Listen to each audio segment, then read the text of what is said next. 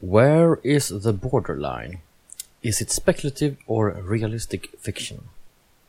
This panel was recorded at Swecon 2018 Fantastika in Stockholm, Sweden. And the participants are Flemming Rasch, Ian Sales, Patrik Skillström, Linda Carey, and it is moderated by Nahal Ganbari.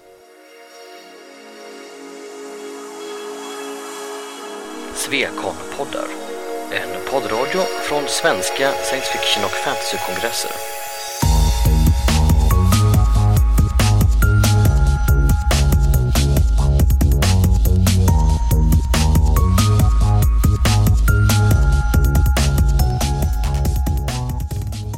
Yes, it's time to start. I'm Nahal. I'm going to be your moderator.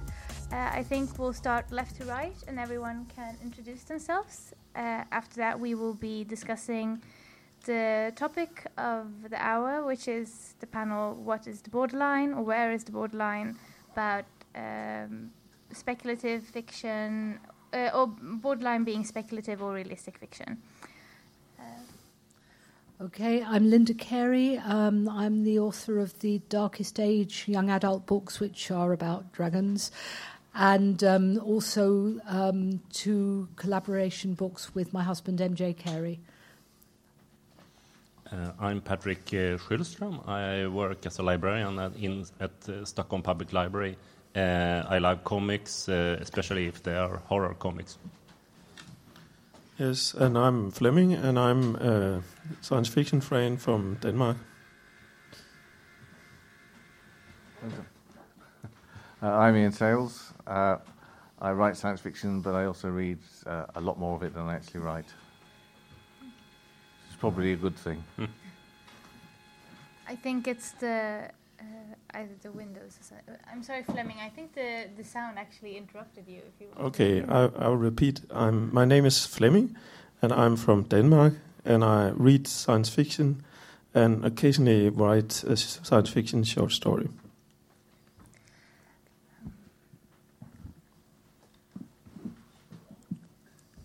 To start off the panel, uh, we brought up the or the panel description brings up the Colson Whitehead uh, novel of last year, last year's Clarke Award, The Underground Railroad. And uh, one of the issues that were brought up when the Underground Railroad won was that a lot of the readers did not see it as a science fiction book.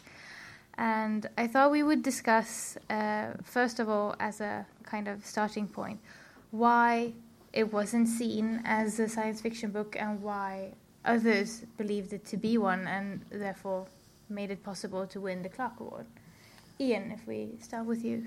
Well, first of all, it wasn't published by a science fiction publisher. Uh, it won the Pulitzer Prize, which doesn't normally go to science fiction novels. In fact, I don't believe it ever. I was going to say, I don't believe it ever has done, but if you do count the Underground Railroad as one, then it has done. And the other thing, I think, is because it literalizes the actual Underground Railroad, and that's the whole point of the novel. And science fiction is a genre, which one of the many things it does is literalizing um, metaphors. Uh, and by making the Underground Railroad a real railroad, then that is a science fiction technique. And so some people would see it as science fiction, even though the story itself is very much realistic. Um, and I suppose you could also say because it's slightly alternate history as well, then that also pushes it across into science fiction. And I suspect that's probably what the judges saw it as more than anything else. So, for those who don't know, The Underground Railroad is a book which follows Cora, a young slave on a plantation who is asked by another slave called Caesar to run away up north with them. It's depicted in the south, in the, I think, eight, late 1890s or something like that. And uh, the Underground Railroad was this connection of people helping each other flee from plantations up north. It was um, a system of communication and help, basically. But in this book, it's an actual railroad, uh, which is the kind of alternative history aspect of the book. But uh, I was wondering, uh, Linda, as an also you said as an old English teacher, do you see uh, this being um, something that was common in all the science fiction as well? That they um, many of the books weren't typical uh, SF in every aspect, but had like some elements that usually stuck out. If, if you're going back to the very, very beginnings of science fiction, you know, we're, we're talking about books that existed long before the concept of science existed, when the study of knowledge was called philosophy. Um, but I, I, liked your point very much about literalizing and about sort of using um, using um, ideas uh, well ma- making a metaphor into something real. Um, one of one of my favourite writers, who I think I would call science fiction, even though he wrote in the 17th century before science, Cyrano de Bergerac, who wrote about um, voyages to the moon and to the sun. Um, his methods of getting to the moon and the sun included, um, well, t- making an unspecified machine with firecrackers attached, and the firecrackers would set off a chain reaction that lifted him into the air, but also smearing his body with marrow because it was believed that the moon drank marrow, and so at the height of the moon, smearing himself with that marrow would, in, would have him sort of pulled up towards the moon. Is that marrow vegetable or bone marrow? Bone marrow, bone oh, marrow from wow. an animal. yes, not, not the vegetable. And also surrounding himself with little pots of water, which he called dew, at sunrise, because the sunrise would cause the dew to evaporate. Um, now, these I, I like the idea that this is this is, I suppose, literalizing a metaphor. Well, certainly in the case of marrow, but it's also it's it's very much like the um, techno babble that we get in Star Trek today. You know, you're using the idea that yes, the sun pulls up dew, and anybody who tried with experimentation would know that it doesn't work. But then anybody um, who tried to dissect Data's positronic brain would know that that wouldn't be a thing either. That's not the point. You're using what is known at the time and making inventive use of it. And that seems to me to be as good a definition of sci fi as any. Can I say something about yeah. Underground Railroad?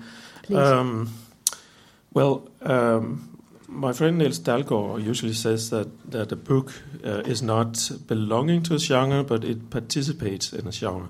And I think uh, that uh, in that way, the Underground Railroad participates in the genre science fiction because it is it is a science fictional concept. It is a it is a trope of science fiction that you have this underground train, and it. Um, I don't think he ever um, writes anything about the technical details, but uh, except uh, stating that it was very complicated and they had to uh, consider a lot of things because it's a it's an actual railroad that runs.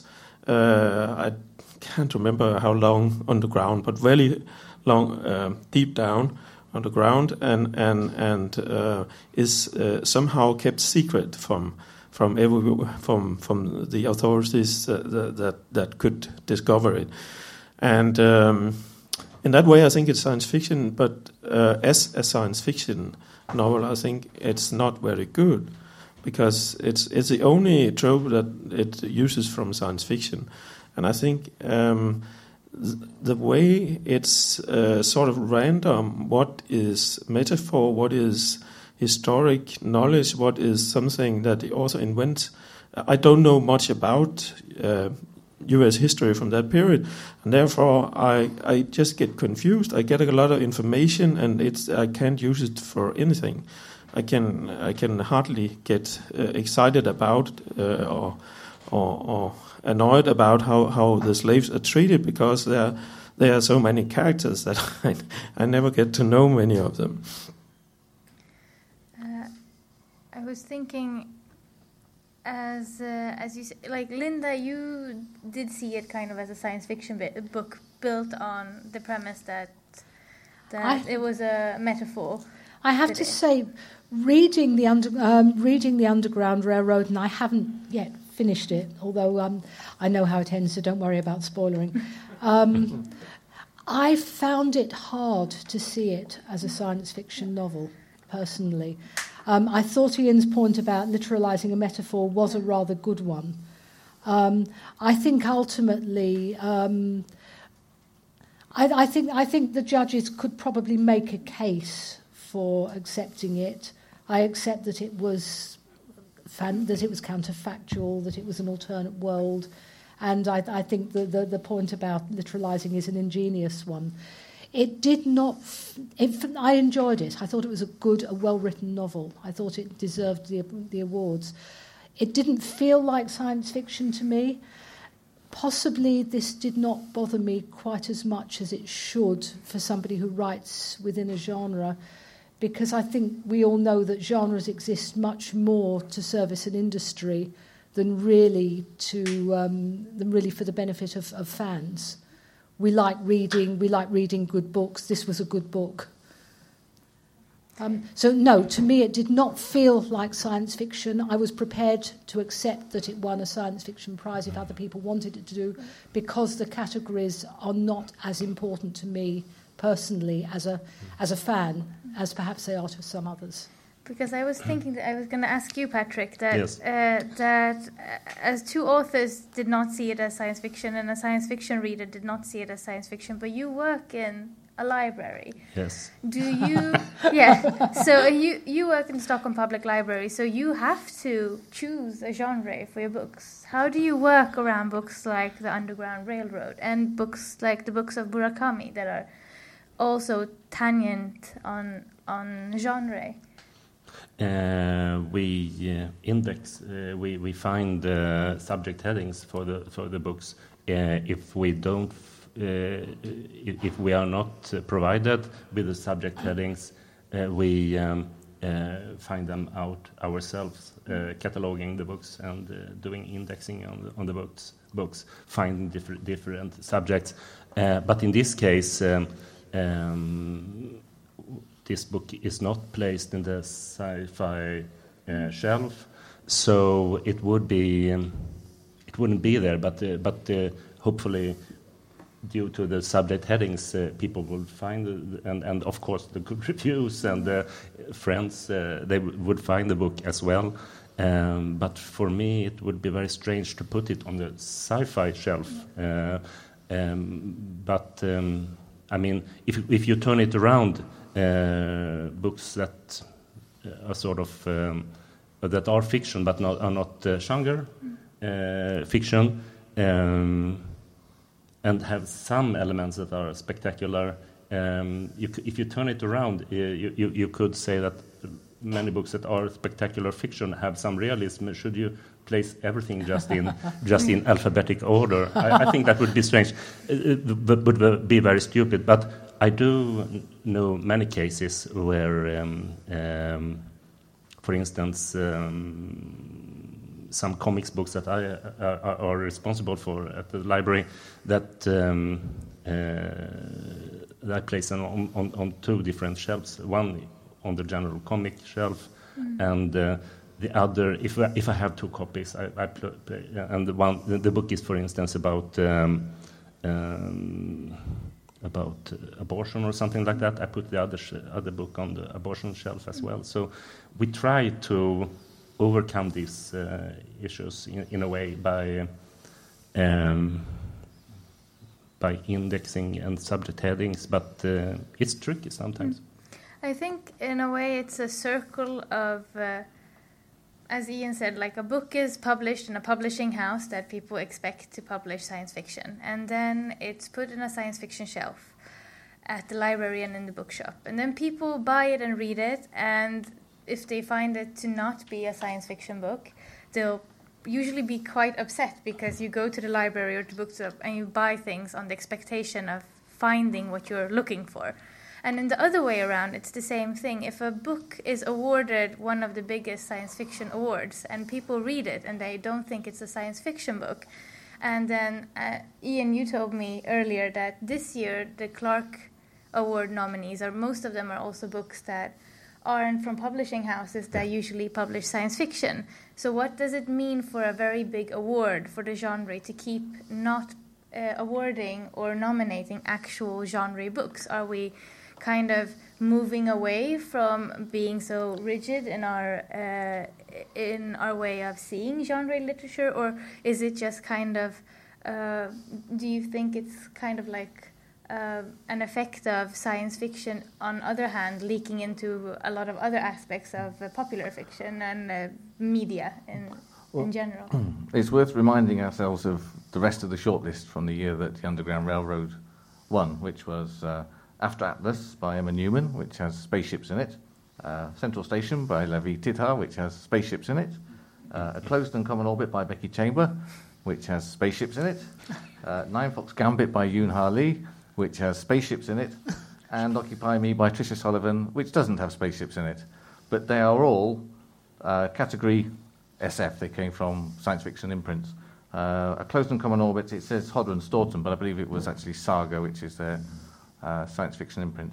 And of course, Colson Whitehead was published by Fleet, which is not. And this year we've got uh, Anne Charnock, who is from 40, published by 47 North, which is Amazon's genre imprint. There's Sea of Rust, which is published by, by C. Robert Cargill, published by uh, Gollancz. Then you've got, I'm not sure who publishes, when I say I'm not sure, I've got page open here, I can look at it, can't I? Uh, then you've got Spaceman of Bohemia by Jaroslav Kalfar, published by Sceptre, which is a mainstream imprint. You've got Gather the Daughters by Jenny Mel- Melamed, published by Tinder Press. Uh, Born, Jeff Vandermeer, Fourth Estate.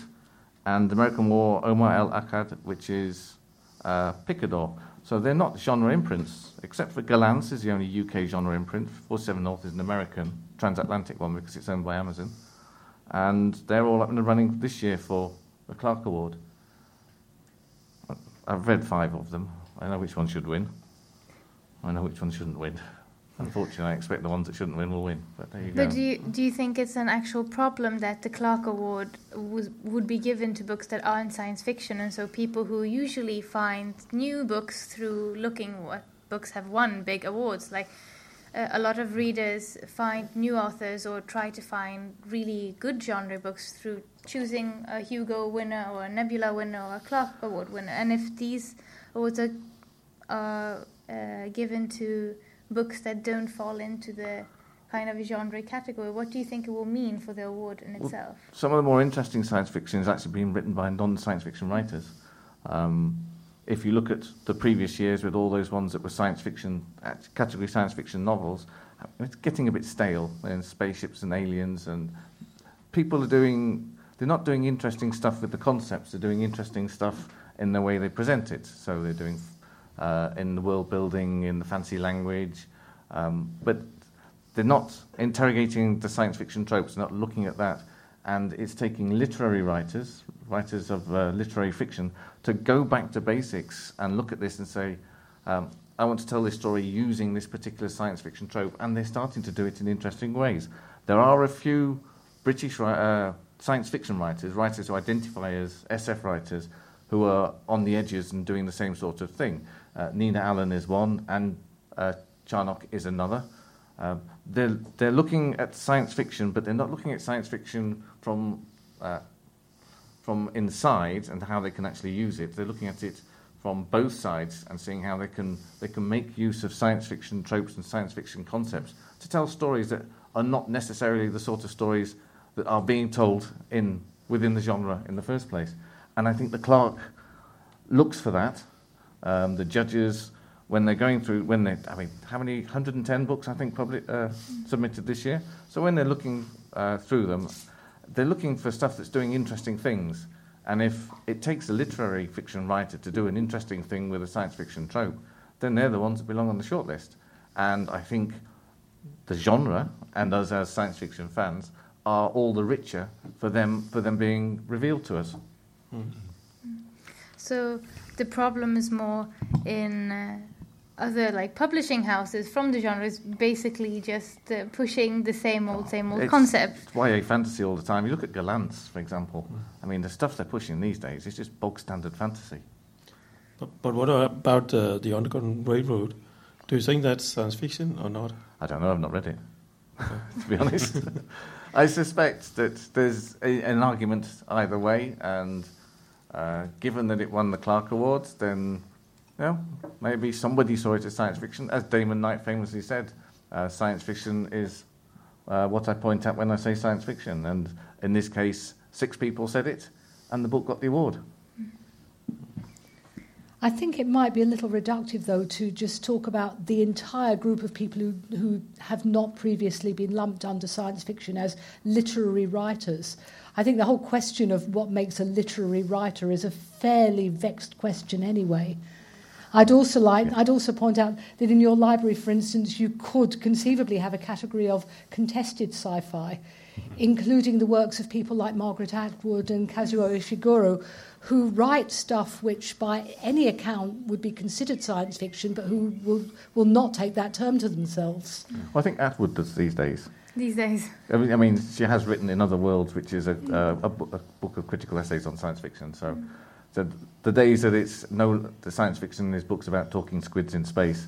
Uh, that yeah, I but think she's, she's quite mellow. shy about taking that term to herself. She, she, before wonderful Ursula Le Guin died, they used to argue about this. I understand.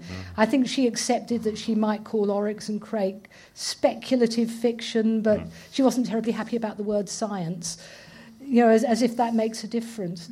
Um, it, it, it does seem to me that well, when, for instance, we have a world that, ha- that had Ursula Le Guin and Terry Pratchett in, this whole distinction between what is literary and what is sci fi is a little reductionist, as if sci fi cannot be great literature, which plainly, plainly it can. I take your point that if, if, um, if you have something which, as you said, is bog standard, if you have something whose only claim to be literature is that it's got spaceships in, then that's not a worthy winner. But you can use spaceships for wonderful things. Who's read Ursula Le Guin's, um, is it Interzone? Um, Intracom, which is a spaceship used as a metaphor for pregnancy. And it's only a short story, but it is a wonderful, it, it's about a spaceship. The captain is called Captain Cook. They get, because she's also the cook. Um, there, there's an all-female crew. You get, and there is a there is a, um, a single male, the male first mate, who is sort of Spock but not really. He's in. He's tends to say, "You really are a fantastically good captain for a woman." And they get an alien on board, and they don't know how to cope with this alien. and the alien grows and grows and grows, and they all wonder about what's going to happen when this alien comes out of its um, little pod. And it's, it's a metaphor, it's a wonderful metaphor. As Le, as Le Guin said, and you'll understand I love her, um, she, is, she always saw her journeys out into space as journeys inwards, journeys into the human condition. That's what literary writers do. But That's what good sci-fi writers do. That's what all good writers do. To, to be fair, though, she's not average for a science fiction writer, is she? So, There are, but there are no, no. She's superb. Yeah. But there are many.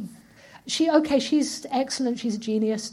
There are many very, very, very good writers out there. Some of them write books with spaceships. Space. It's not that the book has spaceships. It's that it has something to say about the spaceships with the spaceships, mm. and you can do it. You can do it with spaceships. You can do it with aliens. I, I suppose what I'm saying is I don't think it takes a, a writer who is literary mm. to do that. I think somebody who is within a genre, and, and I'd go for any genre you like sci fi, chick lit, that horrible word. Um, Jenny Colgan wrote a great book about mathematicians and aliens and, um, and love affairs called, I think, Resistance is Futile. I think there are interesting things that can be done, and you don't have to look outside the genre for that. You just have to look for a good writer. I, I agree with Linda because I think one of the problems with our the genre we we like to read so much, like science fiction and fantasy, is that a lot of us grew up hearing that these these genres aren't really quality literature. And I think for me, I'm uh, I'm in my 30s. I know people, friends of mine who are older. When they were uh, younger and they read read science fiction, it was just pulp literature basically. And I think from the outside, people have been saying that science fiction and fantasy isn't quality literature for so long that we don't have, that we forget, like we believe them to some point, that we believe it to just be entertainment in a kind of low fashion. And I, I think we, uh, we undervalue something that we also appreciate very much, and uh, and instead, uh, kind of. Forget that at the same time that, that that they can be both things at the same time that they can be science fiction and, and at the same time of course be amazing literature not just when it comes to ideas and concept but also in language and how they formed this book how the thought that went into it. And I think Margaret um, I think Margaret Atwood in her ways uh, amazing Ursula K. Le Guin is fantastic. And I actually I read a couple of years ago a book I think that is brings in the same aspects, but as a fantasy book, Jo Walton wrote Tooth and Claw, Mhm. which is a fantasy book that it, it, it feels like you're reading a Jane Austen book, but it's about dragons. Everyone is a dragon. In the beginning of the book, the entire dragon family meet up because the patriarch of the family is dying. And this is the first pages. And so they mourn him, they dress up, dress up in their nice clothes, they have a, a hierarchy of who gets to see the, the passed away father first, and then they eat him because they're dragons. But everything else in this book, yes, of course, like they, they eat him, they fight over who gets to eat the best parts of him because they believe that whoever kind of consumes the flesh of the father and the, the in many ways also a kind of a religious symbol in that, but they, that they consume him and they consume his power. So um, the the person who married into the family kind of wants to eat all the best parts, and the daughters get nothing. Just as in Jane Austen, when in Pride and Prejudice, they're all afraid that the father will pass away and their cousin will get the house, and all of them will be left with nothing. And it builds on the same kind of social codes. It builds on how strange it is for one of the girls to be alone with kind of a friend of the family or a family member, and how she's afraid that everyone will think ill of her later. It's kind of like Lydia when she ran away, uh, ran away with Bingley, and no, not Bingley, sorry, um, Wickham. Wickham. Sorry, Wickham. uh, but that's. I thought the book was amazing because it's amazingly written. It's uh, in one way historic kind of fiction, but it's a fantasy book and it's it's perfect in many ways because you read it and sometimes you forget that they're dragons and then they eat someone and you're like ooh And it also has literalizing the metaphor, Yeah. of course, because the substance of the dead father is precisely divided up among the, the strongest of the offspring, and the weakest of the offspring get nothing. And it's literalizing what happens in the Jane Austen books. Yeah. But uh, genre fiction does things differently and it privileges different things, and we have different criteria for excellence than mainstream fiction. And sometimes, uh, by looking at, we're too blinded by what we're expecting to find and what we think is good within the genre because we read a pretty much undiluted diet of, of genre fiction. So when somebody from outside the genre picks up a trope or an idea and starts using it, then they're applying a different uh, set of tools to it, a different set of techniques to it. And I think that can that means they can bend it and, and twist it and use it in, in re-engineer it in interesting ways, um, rather than you know we're looking at books and they're good fantasy because they've got good world building in, or, or because you know they uh, they do interesting things with the uh, the hero's quest uh, template or something like that, or you know the, they've got a really cool idea for faster than light travel. In, But Jane Austen is a really good world builder. I'm, a lit- I'm an English teacher and a fangirl. I apply, personally, as a reader, I apply the same criteria of excel- for excellence to both.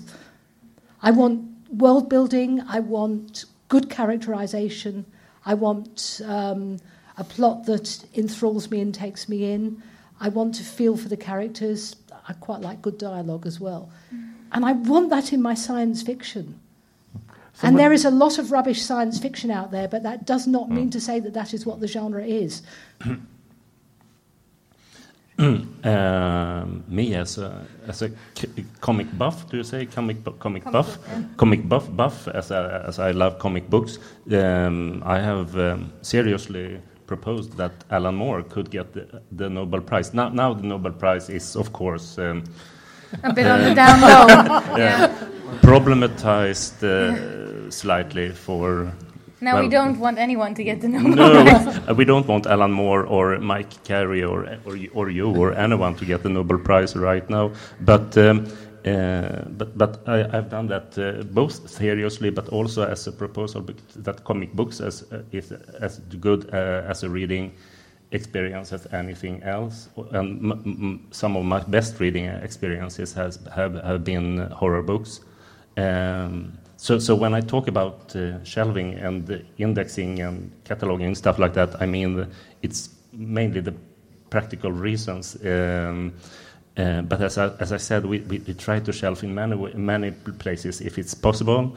And um, but for instance, when Philip Pullman said that his uh, his book series, His Dark Materials, wasn't fantasy because he said that he wanted to explore important subjects. I was disappointed when he said through, that. through fantasy, but it wasn't fantasy. I mean, oh, we, we have really? to we have we have to we have to think about the readers and put them these books on the fantasy shelf. Yeah, no, he, he already wrote it. When he, you write it and you publish it and someone else reads it, you can't control someone else's no. experience of that. I think the, there was a. Uh, uh, is it Roland Barthes who said the author is dead? Mm, yeah, the author was, is dead. Yeah, you yeah. have to always assume that when the book is published and has left the author, the author is dead, to you at least. And you can decide that the book is whatever you want. And then, of course, in these kind of I would say, settings, sometimes you will meet the author who wrote your book and they will not agree with you on your ideas, and you don't have to care about what they say. It's nice, of course, if you agree, but you don't really have to agree with the author, even if they wrote the book, because the the intent of something isn't always what is um, seen by someone who picks up a book or sees a movie or reads it, and an experience is always solely your own. So I, I do believe in a way that when Flemming said that uh, when you read Underground Railroad, there are some tropes, but there aren't enough that you would feel that it's a science fiction book. It doesn't do it well enough. But are there specific things that you would say when you pick up a science fiction book that you really expected these things to be there? Because I think that is probably something that Ian uh, mentioned as well that that a lot of science fiction uh, readers we sometimes uh, look for specific things and we don't mind if the other things aren't working as well. Like it's okay if the world building is amazing but the dialogue is crap. Oh, but, but, but I think uh, I think it's just uh, Underground Railroad that's the problem. I, do, I don't uh, like the way um, it uses science fiction tropes.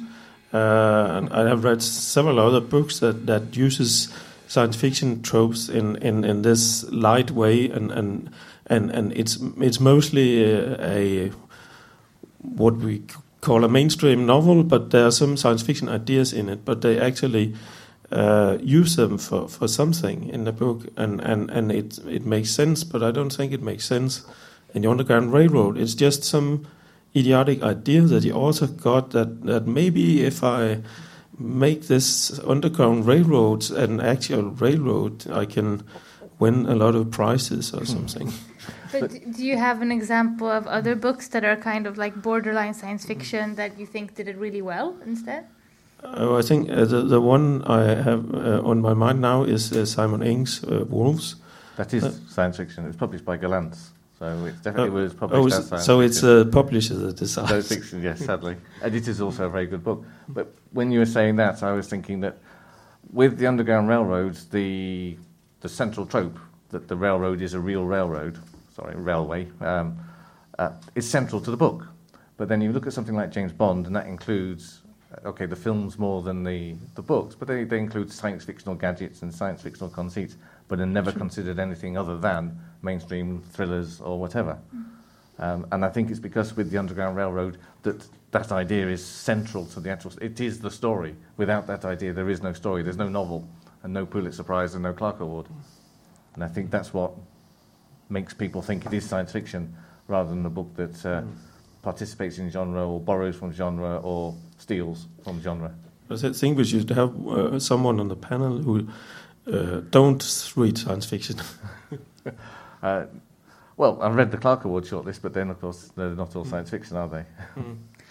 But, but I mean, uh, uh, if if we got the opinion of science fiction fans on a, on on the book, and then then we should also have the non-science fiction fans. But what do they think about this science fiction trope that they use? What, what uh, does it make sense for someone who don't ever read science fiction?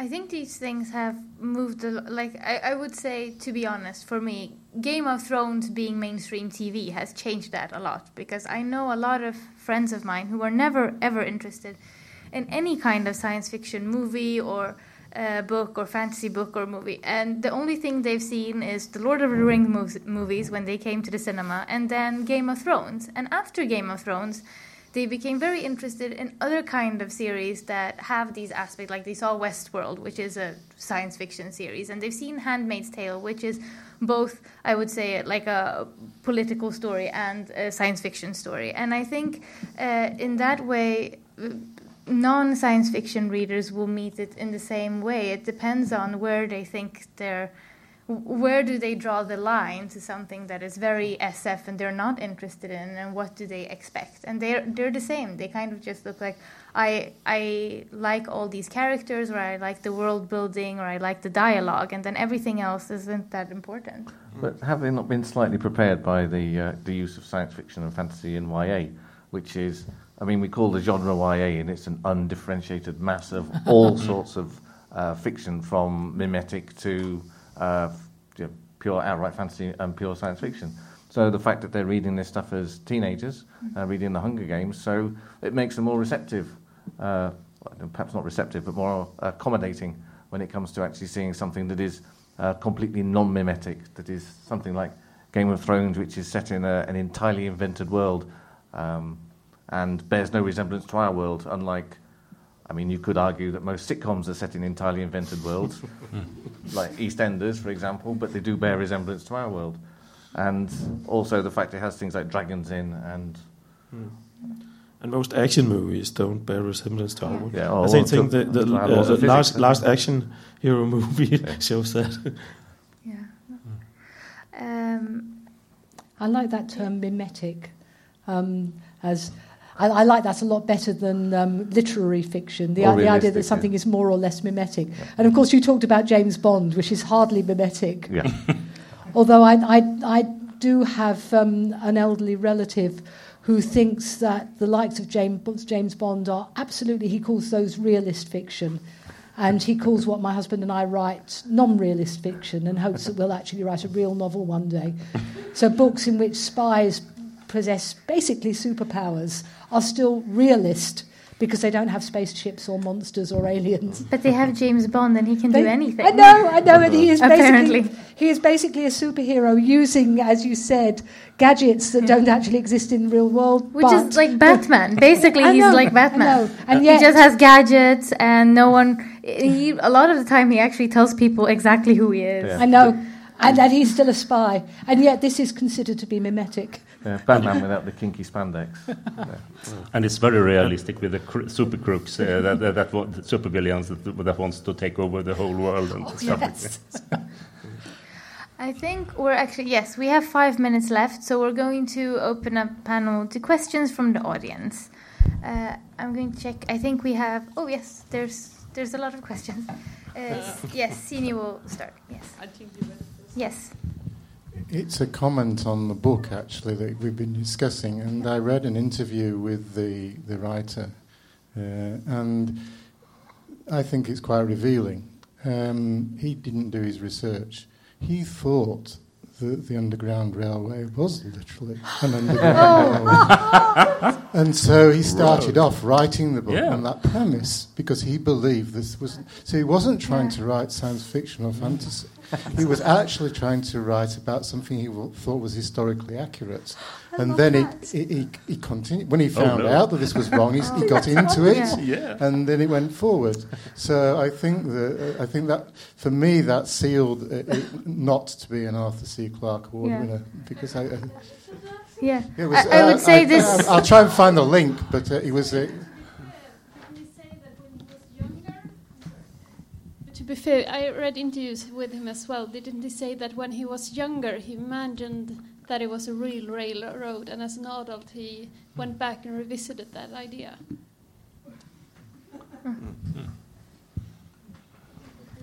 I would think if if he uh, if he started out as a young person, of course, thinking that I would understand that you would believe that. But if he at the, the moment he started writing the book, still thought it was an actual railroad. I think that's less science fiction and more poor education from the American school system, I would say. Uh, Yes. Would you say Chuck Palahniuk is a borderline uh, science fiction fantasy writer? Because he has used science fiction tropes and it seems to have passed under the radar. For instance, he wrote a book uh, where time travel features. It's called Rant. And uh, at least one book, the where the person goes to hell, which uh, a very grotesque Baroque uh, fantasy about hell. But, but no one seems to even discuss whether this is a genre or an incursion into genre. Any ideas? Uh, I have one suggestion for genre horror. For, so, so many of his books are placed under the horror in the horror section, at least in my library. Mm. But there's a huge I, number- I love him as an author. There's a huge number of authors, again, that pass under the radar. Uh, Jenny Erpenbeck is one who's written uh, at least one novel that qualifies as genre. Um, Liz Jensen has written several books that qualify. One of them includes time travel uh, in Copenhagen. Uh, and then there's um, Kate Atkinson, who I mentioned earlier. Two of her books are uh, science fiction. And yes, they all pass under the radar. Can I just um, intervene that the these books that are a kind of science fiction from authors who earlier did not write genre fiction are they still published by the same publisher as Yes. their earlier books? Yes. Because that would kind of go against the idea that only publishing houses that publish science fiction could publish. Uh, n- No, what because when you said like non-science fiction or non-genre publishing houses are have books nominated for the Clarke Award, well, they they do give out science fiction Well, books. I mean, the classic example is P.D. James and Children of Men. I mean, she was known as a writer of crime novels, and then she wrote this one that was set in the future, although she denied it. Uh, denied it was science fiction, and it's been made into a film, so it's, it's very well known. Uh, that was also, I think, published by Faber and Faber, who were her publishers at the time. But yes, the argument that uh, a genre imprint is the only publishing company that can publish science fiction, yeah, that's a flawed argument. Um, and that was to my point that some of the more interesting stuff that's happening in genre is happening in authors that are not actually associated with genre, and that's through their publishing imprints as much as whether they self-identify as a as a genre writer. But that should also mean that a like a publishing house like Gollancz could probably pick up a book that they sing they think is science fiction, but really isn't much of a science fiction book. Especially if it's written by an author who has previously published science fiction with them and now decides to write something else. I think it's very much easier to kind of go into a genre if you're already established as an author in some other field and you already have readers and you already have a publishing house. Then usually they kind of make a lot of effort for your next book, even if it's not what they're usually publishing. You could argue some of Adam Roberts' books uh, are like that. You know, he's, he's known as a science fiction writer, but some of the stuff he writes is he has written is borderline, and he's still published by uh. Th- those uh, writers you mentioned, uh, were they? Um, are they uh, not noticed by science fiction fans? Or, Yeah, I yeah. mean, They're, uh, they're, okay. they uh, when I say under the radar, I mean under the radar in, in genre uh, fandom and the, the genre conversation. I mean, obviously they get reviewed in the, all the major newspapers because they're big name authors, um, but they're not reviewed as science fiction novels. They're reviewed as as a normal mimetic fiction or and because they're not published by science fiction imprints. Yeah. Okay. We had another question, I think. Uh, yeah, uh, I would say I would like to go to back to Flemming's idea of participating in a genre because I think that's the main problem with uh, mainstream authors writing using SFF tropes, and you could see that a lot looking at the Man Booker uh, Prize l- long lists nominees. There's usually at least one book that's let's say speculative, and it may have immense literary merit, but if you think of genre as of a conversation and authors contributing and building upon the ideas of other authors, these books seem incredibly naive. They might seem revealing or imaginative only if you have never read anything in the SFF genre. They might have great value in terms of style and prose, but the concepts are treated really naive. And when I think of writers like Anna Smaill and the Chimes or um, David Mitchell and the Bone Clocks, it has been done and done and overdone in SFF many times, and I really can't say that it, he contributes to the genre or the trope at all.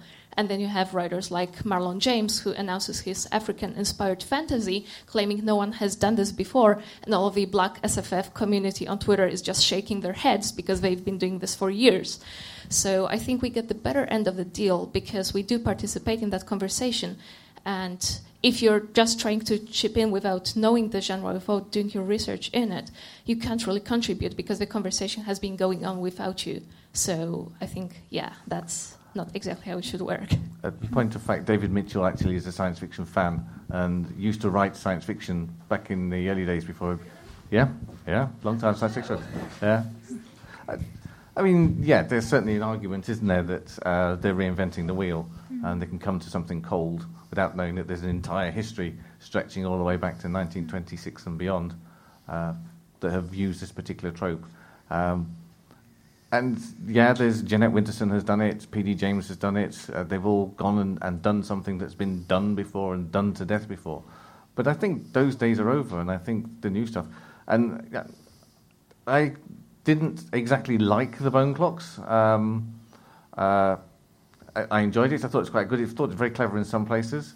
Uh, but I still think there is a lot of stuff that's written by non-genre writers that is classifiable as genre, and I think they're doing interesting things with it. And I don't know whether that's because so many genre tropes have uh, colonized popular culture mm. through movies and TV and Game of Thrones and stuff like that, that they, they're not making those same mistakes that they were making, say, 20 or 30 years ago. I think it's about, about research. Uh, if they, there is that if too, they, yes. if they just yeah. think, well, this is a nice idea, I'll use that in my book, mm-hmm. and, and don't think any uh, further about it, then, then it doesn't work. We, I think we have a last question. Yes. yes. Uh, uh, uh, the title of this panel is Borderline, but uh, you haven't so far mentioned the term sleep slipstream. Uh, according to the Swedish uh, Wikipedia, at least, it's a literary genre that plays on the borderline between traditional fiction and science fiction uh, fantasy. So, what do you say? I would say that they're very different. I think for me, Slipstream is books like Haruki Murakami's books, um, where there are aspects of it, kind of aspects of the fantastic, uh, or that you kind of um, read a, a, realistic setting with all these fantastic uh, elements that are treated as something completely natural, but everything else goes on as if nothing fantastic is actually there. But I think it's very different. I, I also see that as magic realism. So for me, it's been very different to understand well, these kind of different um, what do you say, um, categorizations? Well, mimetic fiction writers put fantasy in and call it magical realism, and uh, fantasy writers put mimetic fiction in and call it slipstream. Mm. All right. but, but, I think the newer genres like, like slipstream and, and, and uh, what's it called? Uh, new weird and uh, they, they are they're not really clearly defined. So so so there will be some disagreement about it until uh, this um, uh, uh, well several decades have passed, and then then you can look back and and put the books in in nice little boxes. I don't think that will ever happen. It's surely in the nature of genres to be constantly expanding and to be interpenetrating their boundaries, and, and that's going to happen. And then new ones will pop up. So we've got new weird, we've got urban vampire. You know, we've, we've got new new categories constantly coming from the intersections of the others, and that's how it should be. Genres can't stay still. No. So science fiction is basically like the monster that either swallows everything or just leaks into everything else. You're literalizing a metaphor yes. there. I think we have to end this panel. Or did you? Sorry, Patrick, you had some. Perhaps just a small thing, yeah. uh, because I, I, love genres, and I think that uh, we as, lib- as, as, librarians uh, uh should work more with the classics, because many of the classics, like Alice in Wonderland, 1984, mm. Frankenstein, mm, The Wizard of Oz, they are standing together with other books, uh, not on the genre shelves. Uh, and I like, like, I love the genre shelf also. Yes. Yeah. Thank you so much for coming.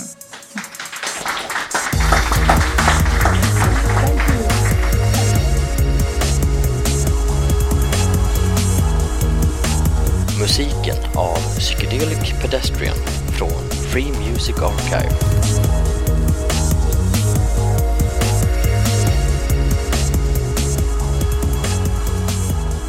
Besök gärna vår hemsida på svekonpoddar.se